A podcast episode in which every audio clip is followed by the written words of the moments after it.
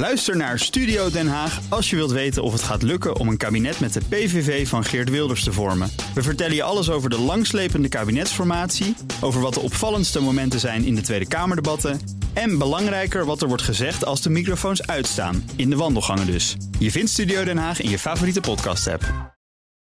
De column van Paul Lasseur. Bij de suikerlobby en frisdrankproducenten kunnen de kurken eraf. Er komt voorlopig geen suikertax.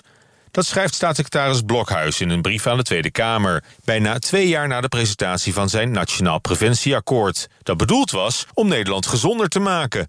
Het akkoord richt zich niet alleen op het terugdringen van roken en problematisch alcoholgebruik, maar bindt ook nadrukkelijk de strijd aan met overgewicht. Na een jarenlange oorlog tegen voornamelijk tabak en alcohol werden de pijlen daarmee ineens ook gericht op overmatige suikerconsumptie. En terecht.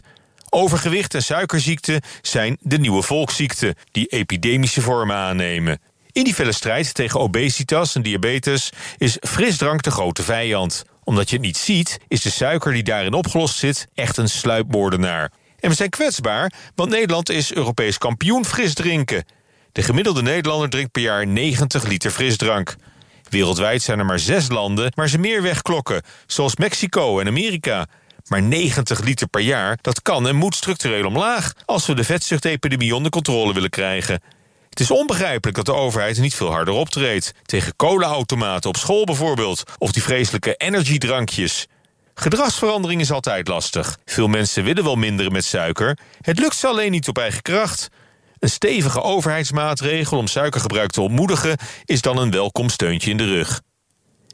Bijna twee jaar Nationaal Preventieakkoord en nog altijd geen suikertax. In andere landen die wel een belasting hebben ingevoerd op suikerdrankjes... is de consumptie ervan intussen wel degelijk afgenomen. Het RIVM deed voor staatssecretaris Blokhuis onderzoek naar Frankrijk... Noorwegen en het Verenigd Koninkrijk. Ook in die landen liep de verkoop van frisdrank terug nadat die werd belast... en kozen mensen vaker voor gezondere light-alternatieven.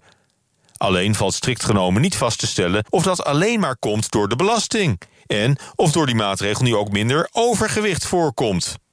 Maar waarom krijgen de suikerdealers het voordeel van de twijfel en een tweede kans om via zelfregulering het suikergehalte in een frisdrank omlaag te brengen?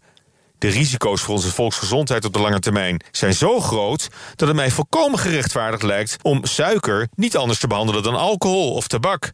Zwaar belasten dus, met forse accijnzen Tijdens de corona-uitbraak hebben we ook gezien dat patiënten met overgewicht harder werden getroffen door het virus. Drie kwart van alle IC-patiënten bleek te zwaar. In 40% van de gevallen was sprake van ernstig overgewicht. In de strijd tegen obesitas hebben we geen tijd te verliezen. Dat is geen betutteling, maar een zaak van leven of dood. Prettige maandag. Digitale technologie, gentechnologie.